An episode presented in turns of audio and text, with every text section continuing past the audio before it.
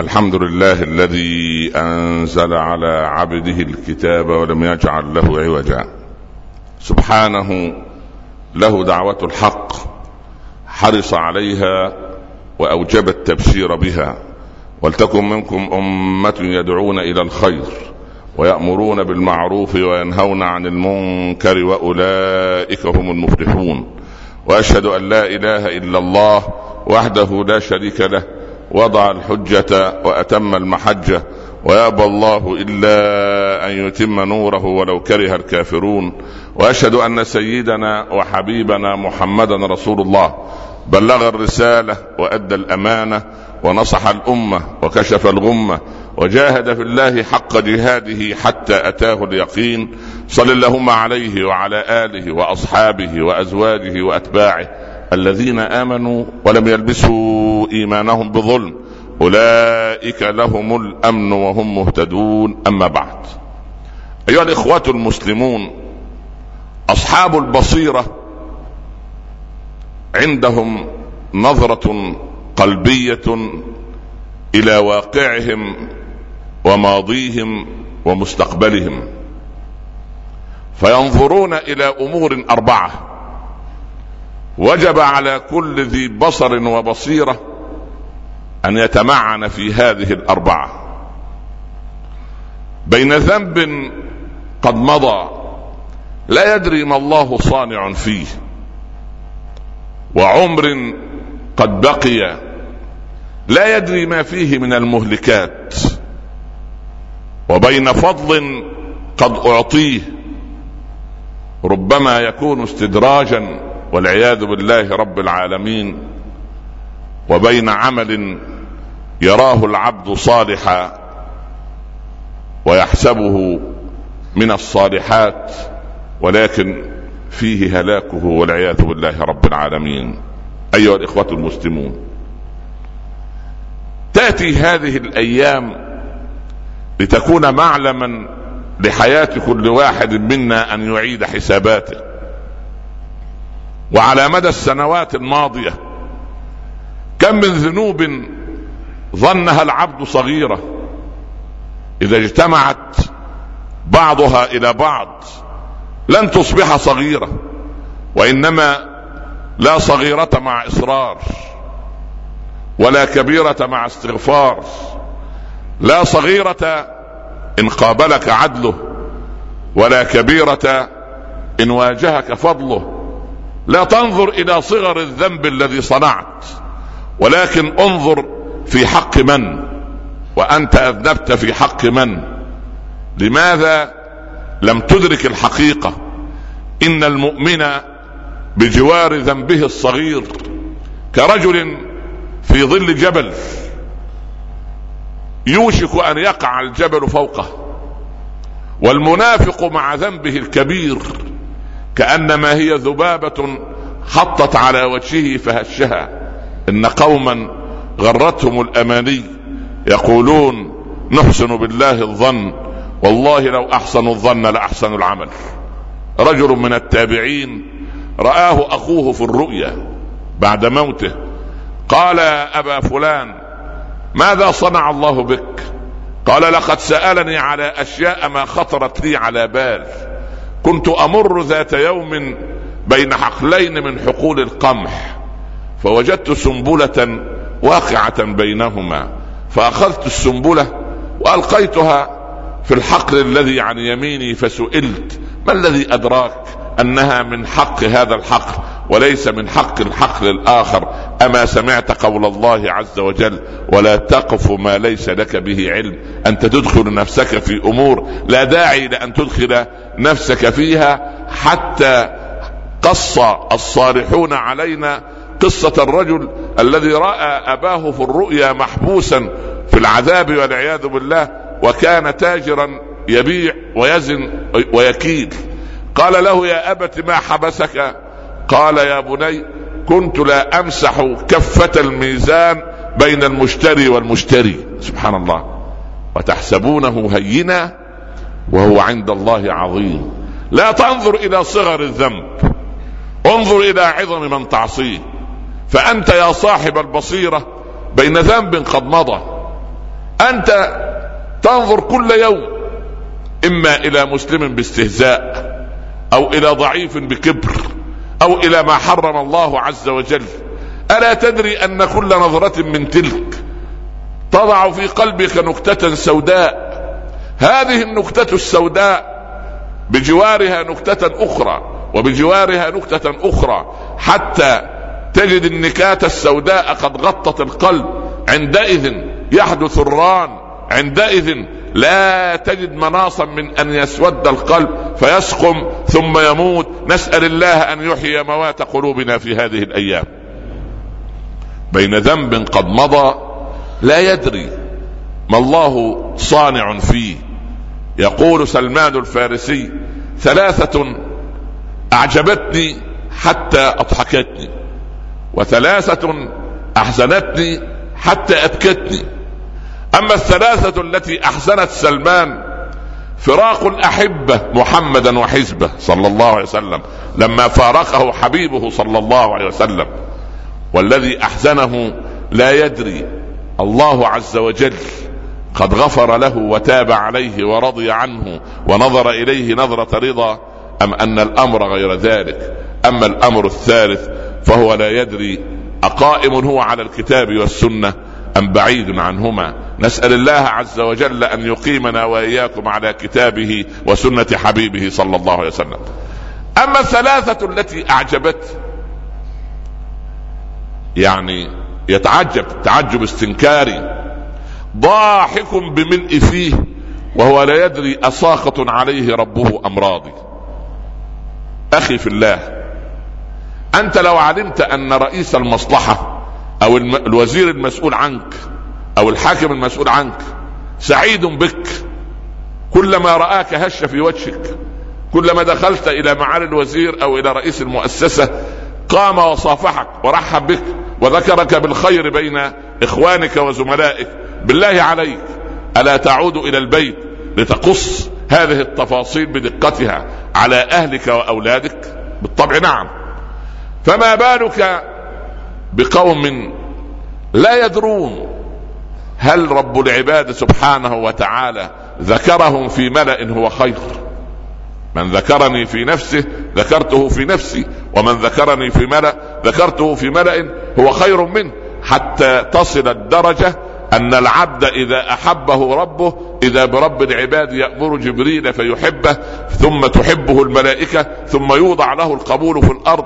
أنت من الواجب أن يكون رضا رب العباد عز وجل هو الرضا المطلوب لأن رب العباد إذا رضي فليس لرضاه منتهى وإذا رضي الله عن عبد وأرضاه بما أعطاه عندئذ هذا العبد كالفردوس في الجنة عند الجنان وهو الشامة وواسطة العقد بين المسلمين المؤمنين. فابحث عن رضوان الله لأن رب العباد سبحانه وتعالى إذا رضي رضى عنك العباد من أرضى الله بسخط الناس رضي عنه الله وأسخط وأرضى له الناس ومن أسخط الله برضا الناس سخط عليه الله وأسخط عليه الناس. اللهم ارضى عنا يا رب العالمين. ذنب قد مضى لا تدري أغفر أم لم يغفر. ثم عمر قد بقي ما زالت لك في الأيام لحظات أيام أسابيع شهور سنوات الله أعلم. لا تدري ما فيه من المهلكات. كم من أناس كانوا يصلون معنا في المساجد. اجتمعت عليهم شياطين الإنس والجن فأغوتهم فزهدوا فيما عند الله وتقهقروا وأخلدوا إلى الأرض واتبع كل واحد منهم هواه.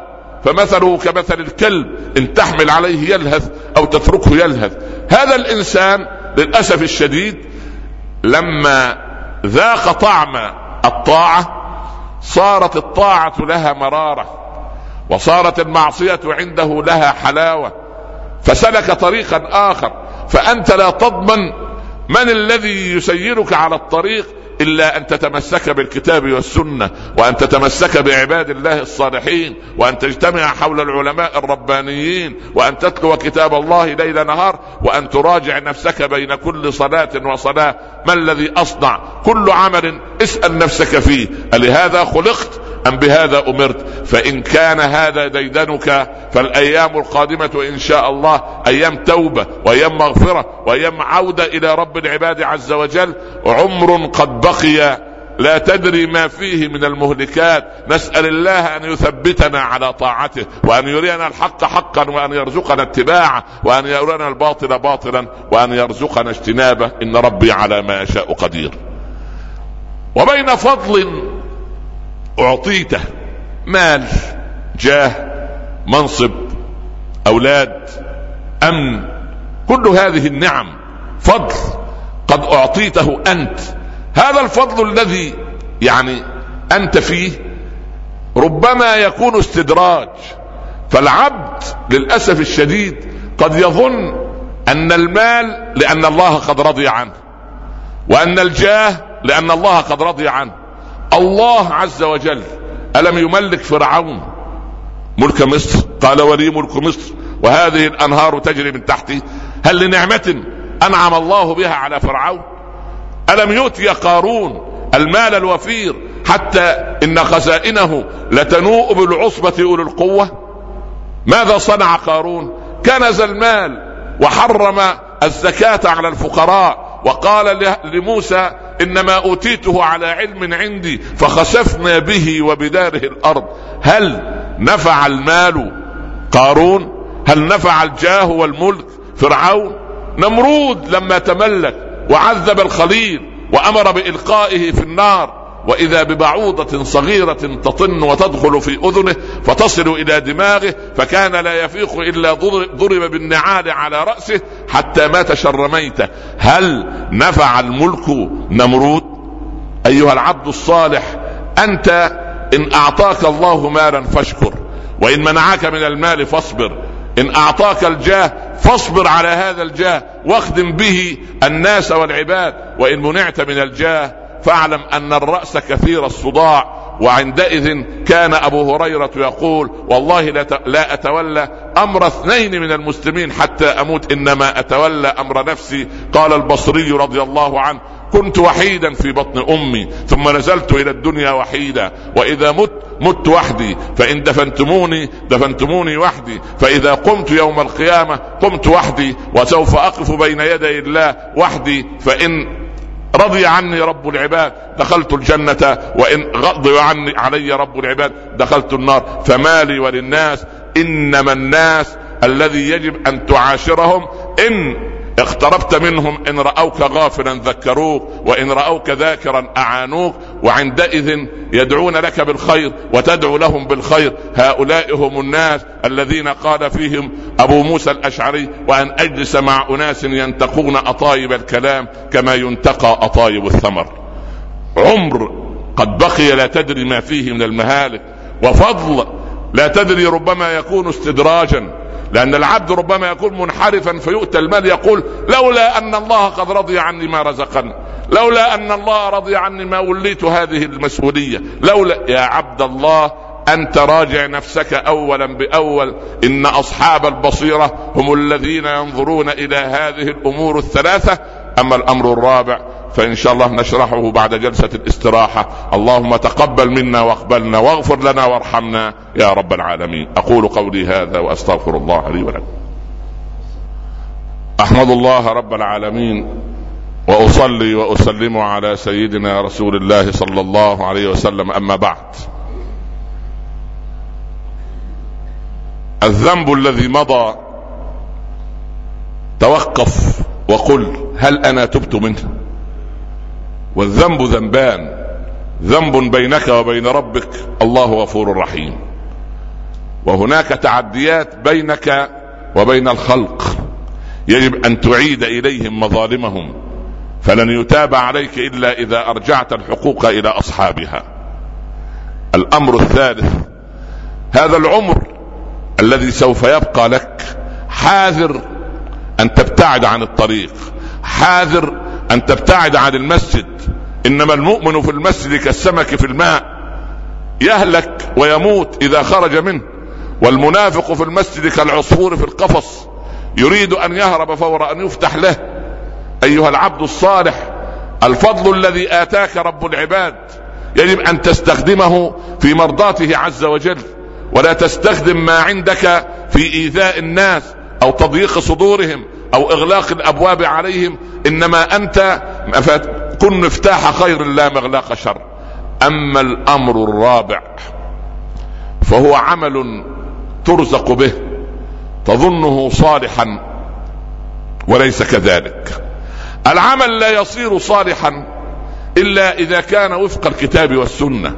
كان عمر يدعو اللهم إني أسألك من العمل أخلصه وأصوبه.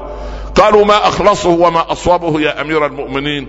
قال أخلصه ما كان على الكتاب والسنة وأصوبه أخلصه ما كان لله رب العالمين وأصوبه ما كان على الكتاب والسنة. أحبتي في الله هذا رمضان يمر سريعا. مرت منه جمعة. راجع نفسك. ما الذي سوف تفعله في الأيام الآتية؟ أنت الآن أمام جو كله حسنات. أبواب الجنة مفتحة. أبواب النار مغلقة. الشياطين مصفدة. المسلم يجب أن يراعي أن هذه الأيام أيام رحمات. كيف يكون في قلبك حقد على المسلمين؟ أو حسد على أقاربك؟ أو غل من فلان وفلان؟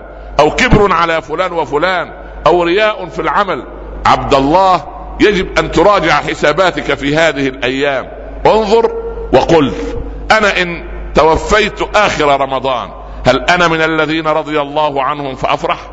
أم أنا من أولئك الذين ابتعدوا عن طريق الله وغفلوا؟ إنها لحظات فريدة. يجب أن تستغل لأن الإنسان كما قال صلى الله عليه وسلم وهو يصعد المنبر ويأتيه جبريل قال يا محمد يعني يا بؤس عبد جاء رمضان ولم يغفر له فمتى يغفر له؟ تعس وابتعد تعس وابتعد قل آمين يا محمد قلت آمين. اذا العبد عندما يأتي رمضان ولا يدخل في حومة الذين غفر الله لهم ورضي الله عنهم فقد ضاع عليه الخير الكثير. هذا العمر يجب أن يغتنم. هذه الأيام يجب أن تغتنم. هذا المال الذي عندك يجب أن يزكى عليه ويتصدق منه. هذا الجاه الذي أوتيته يجب أن تخدم الناس به. عندئذ راجع حساباتك دائما. وكن مع رب العباد سبحانه واحمد الله أنك من المسلمين الموحدين واحمد الله أن الله رزقنا هذه الأيام وهذه النفحات عسى رب العباد أن ينظر إلينا نظرة رضا. اللهم اجعل لنا أول يومنا هذا صلاحا وأوسطه نجاحا وآخره فلاحا. لا تدع لنا في هذا اليوم العظيم ذنبا إلا غفرته ولا مريضا إلا شفيته ولا عسيرا إلا يسرته ولا كربا إلا أذهبته ولا هما إلا فرجته ولا دينا إلا قضيته ولا ضالا إلا هديته. تقبل صيامنا وصلاتنا وقيامنا يا رب العالمين. اغفر بفضلك زللنا وآثامنا. أعتق من النيران رقابنا ورقاب آبائنا وأمهاتنا. نعوذ بك من دعاء لا يسمع ومن نفس لا تقنع ومن قلب لا يخشع ومن عين لا تدمع ومن بطن لا تشبع ومن دعوة لا يستجاب لها. استرنا فوق الأرض وتحت الأرض ويوم العرض يا رب العالمين. ارزقنا قبل الموت وهداية ولحظة الموت روحا وراحة وبعد الموت إكراما ومغفرة ونعيما. اجعل هذا البلد آمنا مطمئنا وسائر بلاد المسلمين سخاء رخاء يا رب العالمين. اللهم من أراد بالمسلمين سوءا فاردد اللهم سوء إليه. اللهم كن مع إخواننا في بقاع الأرض وكن مع المستضعفين في بقاع الأرض.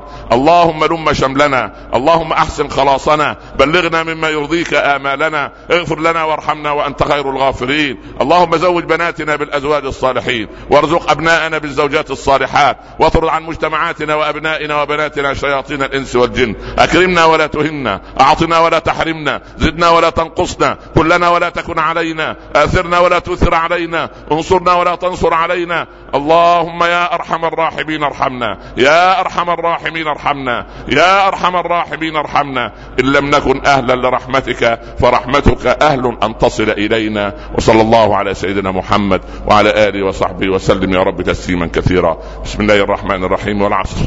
ان الانسان لفي خسر الا الذين امنوا وعملوا الصالحات وتواصوا بالحق وتواصوا بالصبر صدق الله ومن أصدق من الله قيلا نكمل حديثنا بحول الله واخوته إن شاء الله بعد الصلاة وأعتذر منكم الجمعة القادمة ونلقاكم دائما إن شاء الله على خير في طاعته وأقم الصلاة قوموا إلى صلاتكم يرحمكم الله أحمد الله رب العالمين وأصلي وأسلم على سيدنا رسول الله صلى الله عليه وسلم أما بعد جزا الله خيرا الابن الحبيب والأخ الغالي القارئ الذي يقرأ بقلبه وبهذا الصوت الشجي شيخ محمد جبريل وهو يقرأ يعني عدت معه إلى عشرين عاما أيام ما كان نحدث في أحاديث الدار الآخرة في مسجد أسد بن الفرات وكنا بعد المحاضرة والناس تنفعل بها كان يقوم الشيخ ليجعلنا يعني نبكي خلفه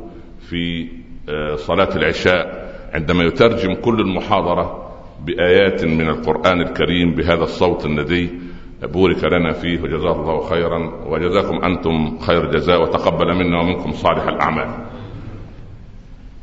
ما أحب ما أحببت يعني أن نترك هذه الفرصة في وجود آه، آه، الابن الغالي الشيخ جبريل بيننا إلا ويعني نسمع هذا الصوت الندي آه، بهذا الترتيب الذي يصل إلى القلب نسأل الله أن يتقبل منا ومنه إن شاء الله رب العالمين. أحبتي في الله كم من أناس كانوا معنا في رمضان الماضي وجاء رمضان هذا وغيبوا تحت أطباق الثرى والعبد يعيش معه ثلاثة كما يعلم الجميع. يتخلف أولهم في البيت وهو المال. ويتخلف الباقون عند حافة القبر وهم الأهل. ولا ينزل مع العبد إلا عمله. وتقول الأحاديث الصحيحة إن العبد عندما ينزل إلى القبر يجد إنسانا بهي الطلعة قد دخل عليه. يقول له من أنت؟ أنت الوجه الذي لا يرى إلا في الخير. يقول له أما أنا عملك الصالح أنا جليسك حتى تقوم الساعة. فالعمل لا يتركك ولدك يتركك زوجتك تتركك أبوك أمك أصحابك. شيخك تلميذك صديقك زميلك الكل الكل يترك لا يبقى إلا العمل. فهنيئا لمن عمل عملا صالحا. اللهم اجعلنا من أهلهم يا رب. أما الآخر والعياذ بالله يدخل عليه رجل كريه المنظر قبيح الشكل. من أنت؟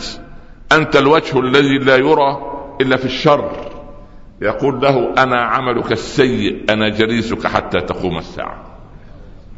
يا مؤمن أنت تدعو في السفر من كآبة المنظر. يعني إيه كآبة المنظر؟ أن تصادف أو يقدر لك أن يجاورك في الرحلة إنسان كئيب. فيه ناس والعياذ بالله يعني نحن في رمضان لا أريد أن أذكرك من الذي يسافر معك لكن سبحان الله يعني تخيل أنت أن إنسانا كئيبا مكتئبا يجلس بجوارك. ينتقد الناس ينتقد العلماء وينتقد الحكام وينتقد الشعوب وينتقد الأمة وينتقد كل المسلمين. وكأنه لا مسلم في الكون إلا هو ولا موحد إلا هو ولا تقي إلا هو. وللأسف الشديد لو بحث عن نفسه لما كان عنده من الوقت أن يعيب على الناس. المحاور الأربعة التي ذكرناها في الخطبة أزيدها توضيحا. لأن الإخوة طلبوا مني اليوم لمحة عن فقه الزكاة ككل عام. أنا إن شاء الله أفرض عشر دقائق إن شاء الله من الدرس بإذن الله لفقه الزكاة.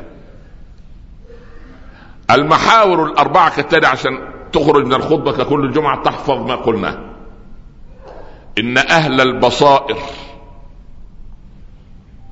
أمامهم أمور أربعة. أول شيء ذنب قد مضى.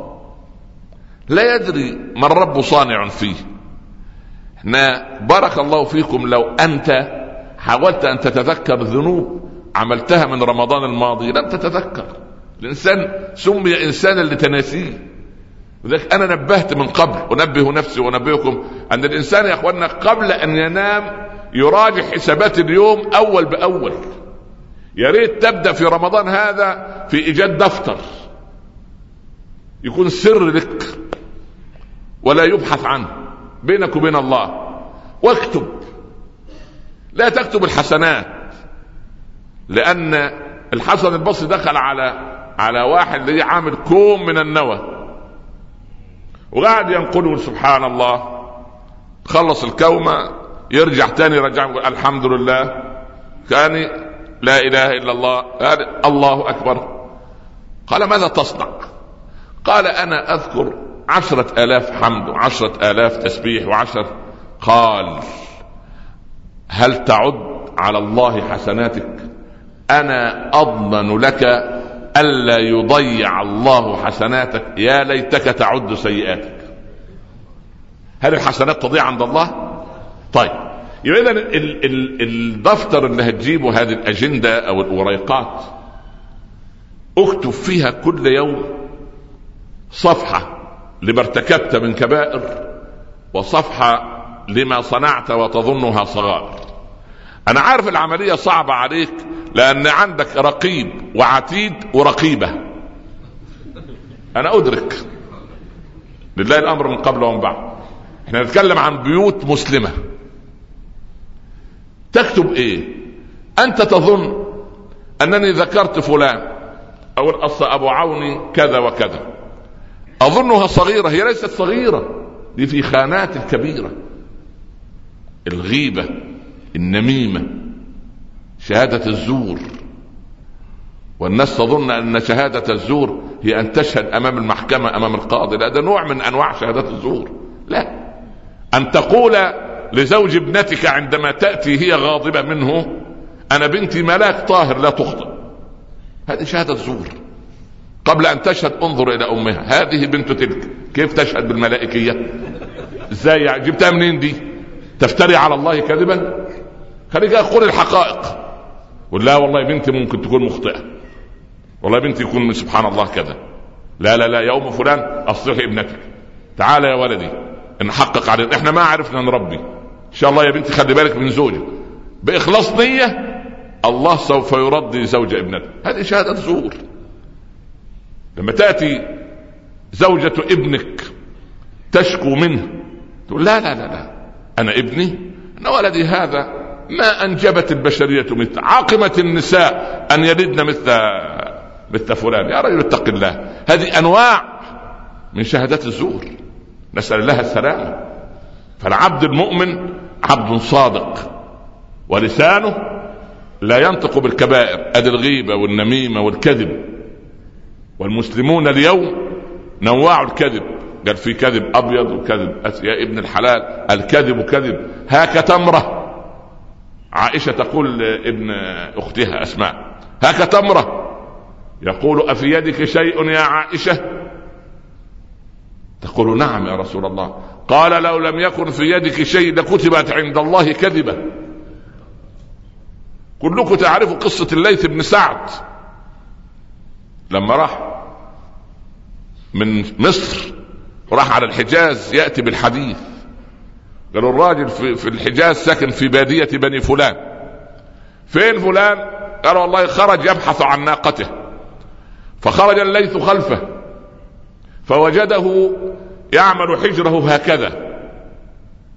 يعني كأن في حجره طعام علف للايه للناقة. فلما اقترب الليث ولم يجد في حجر المحدث شيئا قال أين العلف الذي تريد أن تأتي به الدابه قال لا أنا أصنع هذا كي تأتي. قال تكذب على الناقة. حري بك أن تكذب على رسول الله. والله لا أخذ منك الحديث. لكن في المقابل في المقابل الله يرضى عن إمامنا أحمد بن حنبل. لما راح للمحدث كي يتعلم منه أدب المريدين كان مع العلماء عجيب. كان الشافعي يقول كنت لا أشرب الماء أمام مالك هيبة له. وكنت أصفح الورق صفحا رقيقا حتى لا أوذيه أثناء الدرس. فأحمد رضي الله عنه خرج فدخل على المحدث. وجد المحدث قاعد بيعطي كلبا طعاما وشرابا ويتودد إلى كلب. الإمام أحمد أخذ في نفسه. المعقول هذا الكلام؟ جاي من آخر الدنيا عشان آخذ من الرجل الحديث. وهو فبعد أن أطعم الكلب وسقاه قال انصرف بسلام. فنظر المحدث إلى أحمد وقال يا أحمد لابد أن شيئا في نفسك. مش أحمد يجامل زي حالتنا؟ لا لا لا ابدا ما عليك الله يبارك فيك ربنا يرضى عليك وهو يغتاب داخليا. لا. قال نعم. قال والله ما في قريتنا ولا في بلدتنا كلاب. فلما رأيته علمت أنه غريب في حاجة وفي احتياج. وسمعت عن عن عن عن أبي هريرة عن النبي صلى الله عليه وسلم أن من أبى أن يعطي صاحب الحاجة حاجته لن يكون الله قاضيا حاجته يوم القيامة. أو ما أو ما معناه؟ فقال أحمد كفاني من الحديث هذا ثم عاد. أخذ هذا الحديث ورجع ورجع. واللي دخل الإسلام علمني الإسلام يا رسول الله أومأ الرسول معلما أصحابه أن يشرحوا الإسلام بوضوح فأومأ إلى أبي ذر أن يشرح للرجل الإسلام. قال له بعد أن قرأ عليه سورة الزلزلة فقط ما تكلم عن الإسلام في شيء. فوصل إلى قول الله عز وجل فمن يعمل مثقال ذرة خيرا يره ومن يعمل مثقال ذرة شرا يره استعبر الرجل بكى. وقال أيزن ربنا بمثقال الذرة يا أبا ذر؟ قال نعم. قال كفاني تعليما. كفاية كفى. كفى أن أتعلم. هي كده انتهت. سبحان الله. فالعبد بين ذنب قد مضى فأكتب أدي غيبة نميمة شهادة الزور كذب فحش في القول تعدي على الناس خوض في الأعراض كل هذه كبائر. وبعدين أبدأ في اليوم التالي ربما لا أعيش. أسأل عن فلان إن وجدته سلمت عليه ودعوت له بالخير وذكرت بالخير إن لم أجده أدعو له كلما ذكرت الذنب الذي صنعته فيه. واذا عشت خمس سنوات اغتاب انسانا ما واردت ان اتوب يجب ان اعيش خمس سنوات اذكره بالخير امام الناس. فكما هدمته يجب ان ابنيه زي ما هدمته يجب أن أبنيه. بالله عليك الكعبة كم هي حرمتها؟ عظيمة عند الله ولا غير عظيمة؟ عظيمة. لكن ابن عمر كان يرى أن حرمة المؤمن عند الكعب حرمة المؤمن عند الله أعظم من حرمة الكعبة. فلو رأيت طائفا بالكعبة يريد أن يهدمها أو يقتلع حجرا منها ماذا يصنع الطائفون به؟ طيب إذا كان سوف يقطعونه اربا فلماذا يهدم بعضنا بعض وحرمتنا عند الله أعظم من حرمة الكعبة ولا يتمعر وجه أحد. دليل على أن الدنيا قد استولت علينا ولا نقدر الأمور في فقه الأولويات. اديكم مجتمعين وفي رمضان وفي حالة روحية جيدة وصلينا وراء الشيخ وسمعنا الخطبة. ولو أن ملك الموت الآن على الباب باب المسجد يقول هيا من يأتي الي سوف نتردد أم نسرع بالإجابة؟ هنتردد. هنتردد. ده على فرض الإيه؟ الخير. نتردد يقول يا الله ده أنا علي زكاة. ده أنا علي حقوق للناس. ده أنا ظالم الزوجه ده أنا مفتري على إخواني. ده أنا رجل مغتاب. ده أنا خوضت في الأعراض. ده أنا فضولي أتلصص وأتجسس على الناس. يا الله فالإنسان يتردد. الأمنية أمامك. ملك الموت مش هيجي على الباب لا. وإنما سوف يأتي لك. وعندما يأتي لك لن يرى أحد ملك الموت إلا أنت. يقول لك الراجل كان قاعد وسطينا سيدنا الشيخ وبعدين أمسك كوب الشاي ما أوصله إلى فمه. سبحان الله. ما أوصله إلى فمه ومات في لحظة. هذه اللحظة هي لك. أما المتوفى فقد مرت عليه أزمان وأزمان فقد اخترق حاجز الزمان وحاجز المكان. المتوفى لما جاء ملك الموت رأى الملك ومعه فريقان من الملائكة.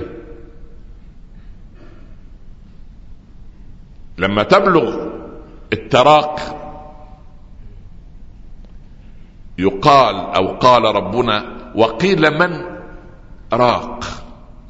من يستطيع شوف أحد التفسيرين أو بعض التفاسير. من يستطيع أن يرقي هذه الروح فيعيدها إلى صاحبها مرة أخرى. من يستطيع أن يعمل رقية لتعيد الروح إلى صاحبها؟ هل يستطيع أحد؟ طيب. أو من راق يسأل الملك ملك الموت أحد الطائفتين من راق أي من الذي سوف يرقى بهذه الروح؟ أملائكة الرحمة إن كان من أهل النعيم أم ملائكة العذاب إن كان من أهل الجحيم والعياذ بالله؟ قال علماؤنا لو أنه من أهل النعيم تأتي الملائكة بحنوط وأكفان من الجنة فتلف بها الروح وترتفع إلى الله وتفتح لها أبواب السماء وينادى بأحب أسمائه في الدنيا ويقول الله عز وجل وسعوا لعبدي في قبره وافتحوا له بابا ليرى مقعده من الجنة فيقول العبد يا رب عجل بالساعة عجل بالساعة. الآخر والعياذ بالله. الملائكة تأخذ لها رائحة خبيثة كما كان مكبا شر في الدنيا تغلق في وجهها أبواب السماء ويقول الله ضيقوا على عبدي في قبره حتى تختلف أضلاعه وافتحوا له بابا ليرى مقعده من النار. فيقول يا رب لا تعجل بالساعة لا تعجل بالساعة. بالله عليك هذا الهول. ألا يقتضي منا دفترا أو ريقات نكتب فيها الذنوب ونعيد الحقوق إلى أصحابها. بالله عليك يا شيخ. وبالله عليك يا أختي ويا ابنتي التي تصلي خلفنا في المسجد. تعود إلى البيت اليوم. من أصحاب الحقوق الذين أكلت حقوقهم وضيعت حقوقهم وأخذت أموالهم وهتكت أعراضهم وخضت فيهم واغتبتهم وسبحان الله صغرتهم أمام الناس. ارجع وراجع حساباتك ليه؟ لأن من ذب عن عرض أخيه اللي دافع عن عرض أخيه في مجلس ذب الله سبحانه وتعالى عنه النار يوم القيامة. جلس رجل يسب أبا بكر في مجلس رسول الله صلى الله عليه وسلم فسكت. فأعاد السب فسكت. فأعاد السب فرد أبو بكر عليه. فقام الرسول مغادرا المكان قال يا رسول الله جري سيدنا أبو بكر خاف إن الرسول يكون غاضب منه. قال يا أبا بكر وكل الله بدلا منك ملكا. يرد بدلا عنك. فلما بدأت أنت في الرد غادر الملك وحضر شيطان وأنا لا أجلس في مجلس فيه شيطان. المتسابان شيطانان. إيه اللي عرف الرجل الطائف؟ لما وسع لرجل عند الحجر والرجل حسد هذا الذي يوسع له. قال من هذا؟ من يكون يعني يوسع له؟ الموسع له علي زين العابدين ابن الحسين ابن فاطمة بنت رسول الله صلى الله عليه وسلم. الناس وسعت له. فالرجل تحرش بالإمام علي زين العابدين فاقترب منه. قال له أنت رجل مرائي. قال له جزاك الله خيرا. قال له وفاسق. قال له بارك الله فيك. ومسرف على نفسه. قال له أكرمك الله. لا إله إلا الله. كل يدعو له. فالرجل قال لا ما في فائده فغادره. فنادى علي زين العابدين. يا اخ الإسلام ذكرت في صفات ثلاث سيئة وأنا عندي من صفات السوء كثير. أتحب أن أعرفها لك؟ قال الرجل دون أن يعرف من هذا. أشهد الله عند هذه الكعبة أن هذا ابن رسول الله. نسب الرجل في في هويته أم نسبه في عمله؟ يعني إيه اللي عرف هذا الرجل أن هذا منسب بالهوية أم بالعمل؟ بالعمل بالعمل. فأنت بالله عليك اليوم امانه عليك إن شاء الله وديك أنت هتستريح من الجمعة القادمة إن شاء الله. يعني تشم نفسك شوي. فسبحان الله راجع حساب الأسبوعين ألقاك إن شاء الله كنا من أهل الجمعة اللي بعدها شوف أنت عملت إيه. راجع نفسك.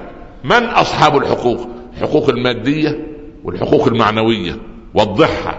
واكتب للأولاد أنا علي كذا للمكان الفلاني وعلي كذا للمكان الفلاني. وعلي ربما يوسع الله على الأولاد يوما فيسد دينك الذي إيه؟ لأن العبد يحبس في قبره إلى يوم القيامة حتى يسد دينه. وكان النبي السؤال الوحيد اللي يسأله عندما يؤتى له بمتوفى يصلى عليه عليه دين؟ عليه دين؟ نعم يا رسول الله. يقول من يسد؟ أحيانا الرسول صلى الله عليه وسلم كان يسدد الدين أحيانا أحد الصحابة. وفي الآخر ليصلي أحدكم. يا الله. اذا أنت من الواجب أن تراجع. ذنب قد مضى.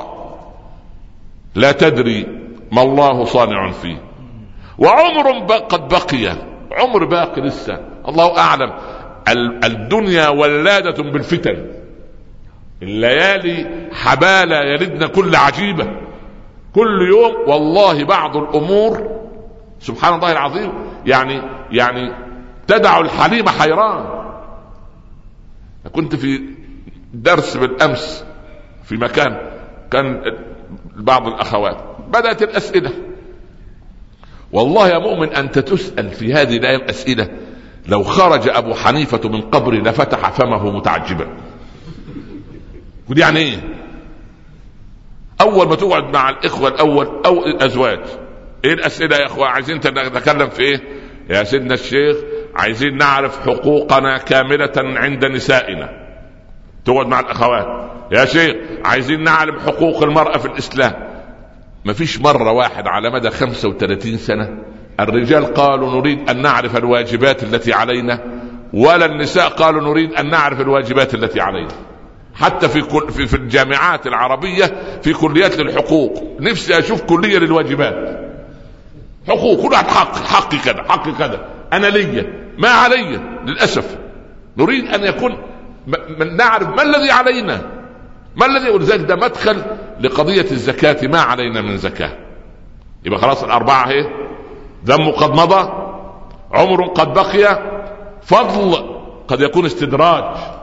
الزياده اللي عندك قد يكون استدراج أنت مش عارف. ثم عمل أنت تراه صالحا وقد يكون غير ذلك. تعال لأمر الزكاة ببساطة شديدة وبتبسيط لأمر الفقه. الزكاة هي النماء زيادة. أنت عندك مال سائل أو بناية أو أرض زراعية أو أسهم أو شركة أو راتب وظيفة. ليس فيه زكاة لكن هذا ما تملكه. وزوجتك عندها مجوهرات وذهب. طبعا نحن نريد من اليوم يجوز لك أن تخرج زكاة الفطر بقضية لوحدها. زكاة الفطر. وعيب عليك أن تسمع من المفتي في الجريدة أن زكاة الفطر 15 أو 20 درهم تخرج 20 درهم. 20 درهم ده للموظف. هو أصلا تضع يدك في جيبه وتعطيه ال 20 أساسا هو يمكن ما عليه. خلي بالك. لكن من أوسط يعني الغني الذي يدعو إخوانه في مطعم مشهور ليعمل وليمة ويدفع فيها كذا. مش ممكن أقول له؟ طلع 20 درهم زكاة. زكاة فطر. يا أخوانا لا. يعني وسع يوسع الله عليك. آه وسع من عندك يا أخي. لينفق ذو سعة من سعته ومن أكرم فقد أكرمه الله. وسع يوسع عليك. يا عائشة لا توكي. لا داعي للحساب. فيوكي الله عليك يضيق عليك. طيب تعال لزك... لزكاة المال. زكاة المال يجب أن تحددها بالشهر الهجري مش بالسنة الميلادية لأن السنة الميلادية بعد 33 سنة أو أكثر من 30 سنة تضيع على الفقراء سنة ويصير في رقبتك حق الفقراء سنة. يعني مثلا واحد بدأ يخرج زكاة ماله من سن 25 أو 30 سنة عاش إلى 60 سنة لو خرج زكاة ماله بالسنة بيناير وفبراير ومارس أو كانون الأول وشباط وإلى آخره هذا سوف يأكل ويضيع على إخوانه الفقراء حقهم في حقهم. ينفع التعبير ده؟ حقهم في حقهم عندك. ليه؟ لأن الله أعطاك ألف. الألف دي لا تخصك كلها لا. ده هو أعطاك ألف وكأن الوحي يقول لك الألف دي أخوك الفقير له فيها خمسة وعشرين. وأنت ليك كام؟ تسعمية خمسة وسبعين. الأربعين جزء دي في جزء لأخوك الفقير وفي تسعة وثلاثين جزء لك. خلاص؟ يبقى كده إيه؟ وضحت الصورة. اتنين ونص بالمئة ربع العشر. طيب. فيه ناس تستدين من المصارف والبنوك. هذا الدين لخمس سنوات مستقبلا لعشر سنوات. لو حسبت أنه العشر سنوات الدين ربما الحسبة تكون أكبر مما يملك. يمكن عليه عشرة مليون. هو لا يملك إلا مليون. بس في نقطة. أنت تخصم من وعاء ما تملك. ما عليك هذا العام. فقط. أنت السنة دي عليك كام للمصرف عليك كام لأصحاب الدين. أنا علي عشرة. يبقى أخصم العشرة فقط اللي تخص هذا العام. أنا من الواجب علي مية. تمام؟ علي مئة. لكن ما يخص هذا العام كام؟ عشرة. تخصم العشرة مما أملك ثم أخرج الزكاة عن الباقي. ليه؟ لأن ده اسمه دين طويل الأجل. وإلا لو أن كل ثري وكل ملياردير مقترض من البنوك ومقترض من المصارف على مدى عشر سنوات إن شاء الله الفقير راح في داهية ولن يجد ما يأكل ولا ما يشرب لأن كله في حالة دين. دي مفهومة ولا صعبة؟ جميل. أنت أقرضت أخاك مبلغا. ولم يرد لك. كان الواجب يرد قبل رمضان. وأنت متعود في رمضان تخرج الزكاة. هذا الدين لا زكاة عليه إلا أن يصير في يدك. إلا أن يصير في يدك. طب أخويا لم يأتي لي بالدين اللي عليه إلا بعد خمس سنوات. هل أخرج الزكاة بأثر رجعي؟ لا. تخرج الزكاة عن سنة واحدة. ما أيسرك يا دين الله. سنة واحدة. سنة فقط. ليه؟ أنت ما ملكت المال إلا هذا فتخرج عن العام الفائت فقط. مش عن إيه؟ بأثر رجعي. هذا أمر. الديون المعدومة لا زكاة فيها. خلاص؟ طيب.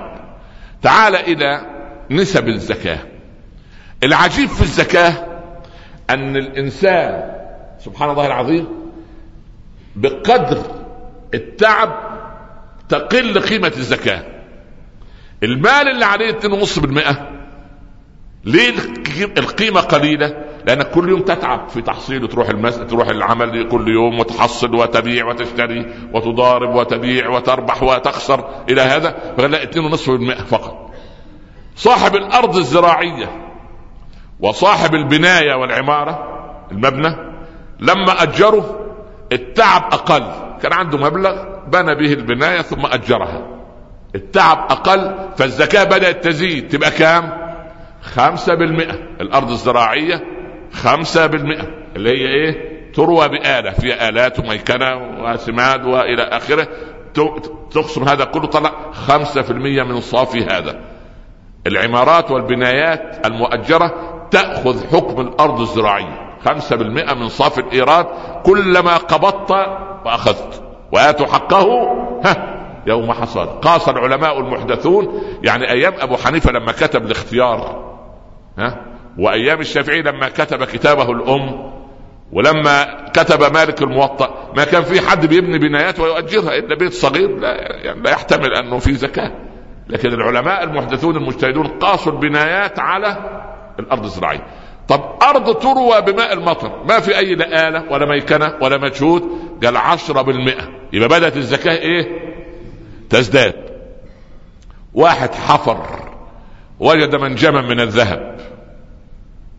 أو يعني أي نوع من من الغاز أو غيره.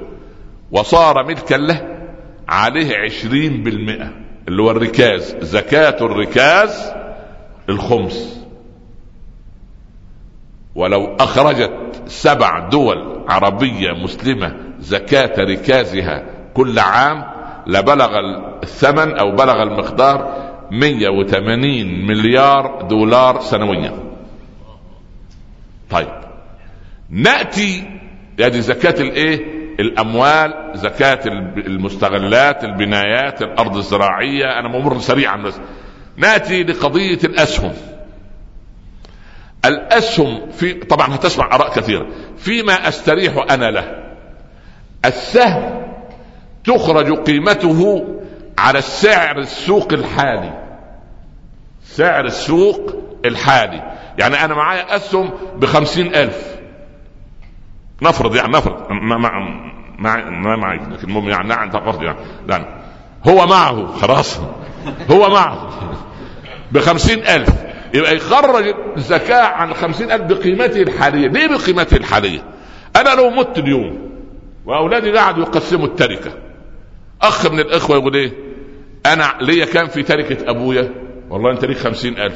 طب أنا هاخد الأسهم. يبقى لما الابن أخذ الأسهم ما قيمتها؟ بالسعر الإيه؟ الحالي. لكن لو الأسهم كان من عشر سنوات قيمتها كل دي قيمتها ألف.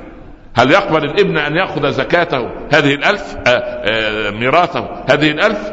فأنت تأخذ أنت تأخذ ال ال ال يعني زكاة ال ال الأسهم أو تحسب زكاة الأسهم بإيه؟ بسعرها بسعر السوق الحالي. في بعض العلماء يقول والله أرباح الأسهم 10% لا لما تحسب ال 10% من الأرباح لا تساوي قيمة الزكاة أقل. يا أخي في نقطة. الله طلب منك 2.5% هو فيه عيب عليك انك تعملها ثلاثة ونصف في صعوبة تعملها أربعة. في مشكلة تعملها خمسة. بس اديه ونص ده الايه؟ الحد الايه؟ الادنى. يا أخي ومن وسع وسع الله له. طيب. نأتي لمشكلة المشاكل في البيوت. ذهب ومجوهرات الزوجة. في رأي يقول لا زكاة في ذهب المجوهرات وزينتها زكاة المراه ذهب الزينة والمجوهرات الزينة لا زكاة. هذا رأي. أنا أميل إلى الرأي الذي يخرج تخرج فيه زكاة المجوهرات. بعض كتب الفقه تقول أنه لا زكاة إلا في الذهب والفضة. يعني أنت عايز تفهمني أن المسكينه اللي عندها بخمسة آلاف درهم يعني اسوره من ذهب واخد بالك أنت؟ فيها زكاة. وقريبتها اللي في إصبعها خاتم بمليون دولار ولكن ليس من الذهب وإنما من الماس أو لا زكاة فيها يعني الزكاة على المسكين والزكاة على الثانية ما فيش زكاة. هذا كلام يعقل. يقول لك والله هو النص. لا يا أخي. يعني والله أنا الذي أدركه أن ما يملك عند المرأة من مجوهرات وأدوات زينة تقدر كل عام عند الجواهري يا عم. دول بكام؟ قول دول بعشرة دول بكام؟ دول بخمسين دول بكام؟ تخرج اتنين ونص بالمئة على شرطين أساسيين. الشرط الأول لا تطالب الزوجة زوجها بأن يدفع زكاة المجوهرات التي اشتراها وإلا سوف تصير المصيبة مصيبتان. يقول لا طب إيه اللي خليني أجيب أنا كمان أجيب. لا ابدا. أنت أعطيك مصروف كل شهر المرأة بناصحه تيجي كل شهر وتخصم جزء من ما تملكه وتضعه في مظروف خاص. تقول زكاة الذهب أو زكاة أدوات الزينة أو زكاة. لا بلاش أدوات الزينة ده احسن يقول لك ده زكاة على ال لا زكاة يعني على ال المجوهرات وخلاص. أنت فاهم وأنا فاهم بس يعني يعني نسيان صايم زي بعض نسيان صايم فاهم؟ أنت فاهم. يعني ما تملكه المرأة من مجوهرات تحسب كل شهر قد إيه آخر السنة معها المبلغ. وأيضا لا تبيع المرأة جزءا من مجوهراتها كي تخرج مال زكاتها. خلاص؟ بهذا تتضح الصورة. إن لم تجد فلا زكاة عليه. طيب. الزوج دخل عليه رمضان وعليه ديون. والزوجة من كرم الله مدبرة وفرت أموالا لذاتها. حلال يعني. يعني ليس غصبا إنما حلال. حلال إزاي؟ أي حلال وخلاص. خلاص؟ عندها أموال حلال. تطلع مال الزكاة. قال العلماء أولى الناس بأخذ الزكاة الزوج المدين. تعطي زوجها الإيه؟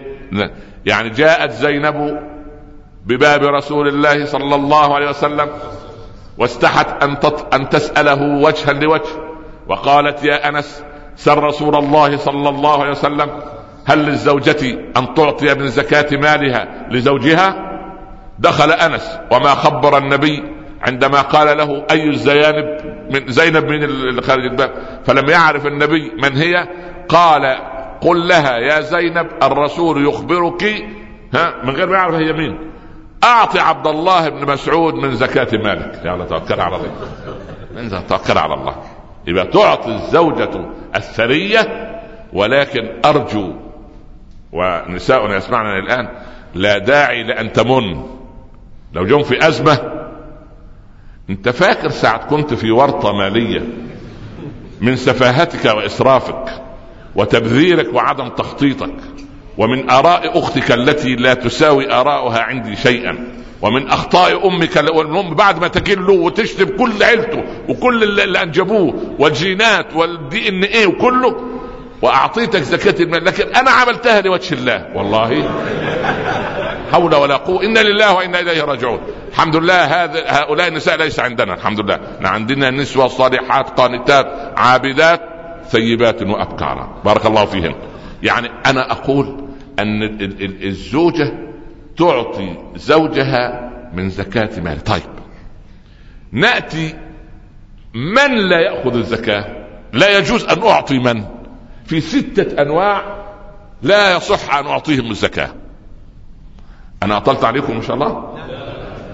الشيخ معانا ونصلي العصر في ولا حاجة بتاعنا بس صلاة العصر سرية. المهم. ف الله يرضى عليك. فأول نوع من الستة الأب وإن علا اللي هم الإيه؟ الأصول. الأب وإن علا يعني أبويا وجدي وجد جدي وأمي وجدتي لا ياخذوا من إيه؟ من زكاة ليه؟ شوف شوف حنان الإسلام شوف عظمة الإسلام ان دول مسؤولين مني لأن دول في يوم من الأيام أيام ما كنت طفل صغير منذ أن ولدت إلى أن صار لي كيان وأصبحت أكتسب من الذي كان ينفق عليه؟ يبقى من الذي ينفق عليهم الآن؟ ولذلك أنا أنصح دائما في محاضراتنا لبناتنا وأخواتنا أن نشجعوا أزواجكم على بر آبائهم وأمهاتهم لأن هذا يعطي بركة لك في البيت وبركة لك في أولادك. لأن أول ما يعلمها أنها يعطي المية دي لأمه تخرج قائمة من الطلبات. أصل الحقيقة الولد كان عايز قميص والبنت كنا بنجهزها للعرس وما في لا مية ولا غيرها. لا نحن نريد أن نكون إخوة. إنما المؤمنون إخوة الإيمان أقوى من أي أخوة أخرى. طيب. يبقى الأب وإن علا والابن وإن سفل ابني وحفيدي وبنت وابنتي وحفيدتي. المشكلة المسلمين بعضهم يصنع ما صنعه بنو إسرائيل من اللف والدوران. يعملوا إيه؟ يقول سيدنا الشيخ أنا زوج بنتي موظف راتبه ثلاثة ألاف. ما يستطيع أنت عارف. فانا الحقيقة انت سمعتك في الجمعة تقول ما ينفع تعطي بنتك من الايه؟ زكاة المال. أنا الحقيقة اعطيتها لزوج بنتي. والله. والله يا رجل اتق الله. يا رجل يا رجل تلف وتدور على الله تضحك عليه. يا أخي أعطي زوج بنتك أو أعطي بنتك من الصدقة. أعطي. لكن لا داعي ده, ده في ناس مش عايزة الزكاة تخرج عنه. فالابن وإن سفل. ابني وحفيدي ما ياخذ طيب. والزوجة. لا تأخذ الزوجة مال الزكاة لأن أنا مكلف إيه؟ بالإنفاق عليها. حتى ولو كانت ثريه أو تعمل أو فقر لا تأخذ من الزكاة. ده النوع الإيه؟ كم نوع الآن؟ ثلاثة. الأب وإن على الابن وإن سفر والإيه؟ والزوج. طيب. آل بيت رسول الله صلى الله عليه وسلم. لأن دي أوساخ الناس. خذ من أموالهم صدقة ها تطهرهم وتزكيهم بها. طب إن لم يخرج الزكاة صار في ماله نجاسة جمع الحرام على الحلال ليكثره دخل الحرام على الحلال فبعثره فآل البيت لا يأخذون من زكاة الناس. خلاص؟ وإنما ولي الأمر يقضي لهم رواتب على حساب الدولة وليست من الزكوات ولا الصدقات. خلاص؟ النوع الخامس غير المسلم. غير المسلم يأخذ من الصدقات. بعد أن يشبع فقراء المسلمين. يبقى ياخذ ميت إن شاء الله. المهم النوع الأخير ممن لا يأخذ الزكاة ذو المرة. ذو المرة يعني إيه؟ ذو المرة القادر على العمل. القادر على العمل. لأن أمير المؤمنين آه، أبو جعفر المنصور قال وزعوا من هذه صدقات يعني على العميان بالذات لو حالة خاصة وعلى اليتامى وعلى القواعد من النساء فدخل رجل السلام عليك يا أمير المؤمنين هؤلاء أبوا أن يعطوني من من أي شيء؟ من الصدقات التي أمرت بها. قال ولم؟ قال أنا من العميان. قال أبو جعفر كم هذان؟ قال له اثنان قال له ودول قال له خمسة وهؤلاء قال له قال يا رجل فسحبت الحاشية الرجل من أمام أمير المؤمنين فقال لهم إنها لا تعمى الابصار ولكن تعمى القلوب التي في الصدور. هو أبى إلا أن يكون أعمى. فلما وجد البند العميان ده مش موجود قال طب أعطوا أبنائي. لما قال لانهم يتامى. لا حول ولا قوة إلا بالله. قال أمير أعطوهم من كان هذا أبوهم فهم يتامى. طبعا. ده ده ده, ده لطامه مش يتامى لا إله إلا الله. سبحان الله. قال يا أمير المؤمنين إن استحييت أن تعطيني. أنت شايف نفسك يعني شايف أن الأمر طالع منك بالعافية كده. أنا من القواعد. لا حول ولا قوة إلا بالله. فالإنسان لم يكن جاهل. خلاص المصيبة الكارثة. وإن المسألة لتأتي نكتة سوداء في وجه صاحبها يوم القيامة. نسأل الله السلام طيب. يبقى اذا آدي ستة أنواع لا تأخذ الزكاة. طيب المسلم فيما يعطي الزكاة في ستة أمور ننهي بها الدرس. في المطعم والمشرب والملبس والمسكن والعلاج والزواج. واحد يقول يا سيدنا الشيخ ده أنا بعطي زكاة مالي لطلاب يتعلموا. يستطيع الإنسان أن يعيش بدون علم لكن لا يستطيع أن يعيش لا بدون طعام ولا شراب ولا ملبس ولا مسكن ولا أدوية ولا زواج. اعتبر عمر بن عبد العزيز إن الزواج في سبيل الله بند من البنود الإيه؟ الثمانية. أخيرا الإسلام يعطي فقير الحاجة لا فقير الاحتراف. الفقير المحترف اللي هو المتسور اللي جاء أنا أذكر زمان كان اما ما الشيخ جبريل كنا ربنا يكرمه ونحضر دروس الدار الأخيرة ويصلي بنا. كان في ميدان أمام مسجد أسد الفرات يعرفوه إخواننا مصر اسمه ميدان الدقي. دار الدق ده وقفت فيه امرأة من سنة 73 من ساعة ما بدأت في الدعوة لغاية 94 تقريبا 21 سنة على كتفها طفل لم يكبر. تعجبت. بتستبدله طبعا لكن يعني أنا كل يوميا.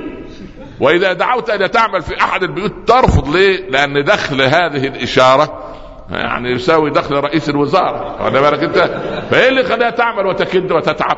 فهذا فقير الاحتراف. ده, ده فقير ده الفقير المحترف. ما نعطيه لكن نعطي فقير الحاجة. من؟ الذي يحسبه الجاهل. غنيا من التعفف. قال فيهم ربنا لا يسألون الناس إلحافا. بقي إخوة طلبوا مننا تنبيه مرة أخرى على مواعيد برامجنا في رمضان. تعرفين إن شاء الله في قناة دبي بإذن الله كل يوم الثالثة والربع قبل العصر إن شاء الله. وبعدين قناة الرسالة الساعة السادسة قبل المغرب إن شاء الله. ولكن اليوم الساعة السادسة في قناة الرسالة إن شاء الله والساعة السادسة في قناة الناس. تحر. تشوف الشيخ في قناة الناس تشوف الشيخ في قناة الرسالة. لكن قناة الرسالة تعاد الثالثة والنصف قبل الفجر. ويوم السبت إن شاء الله الساعة السادسة إلا ربع قناة الشارقة في آه، رسول الإنسانية صلى الله عليه وسلم. هذا عندك تقريبا أربع برامج. كل يوم الرسالة الساعة السادسة. تعاد الساعة الثالثة والنصف إن شاء الله. دبي قناة دبي الثالثة والربع. قناة الناس كل جمعة الساعة السادسة إن شاء الله وقناة الشارقة كل سبت إن شاء الله الساعة السادسة أيضا.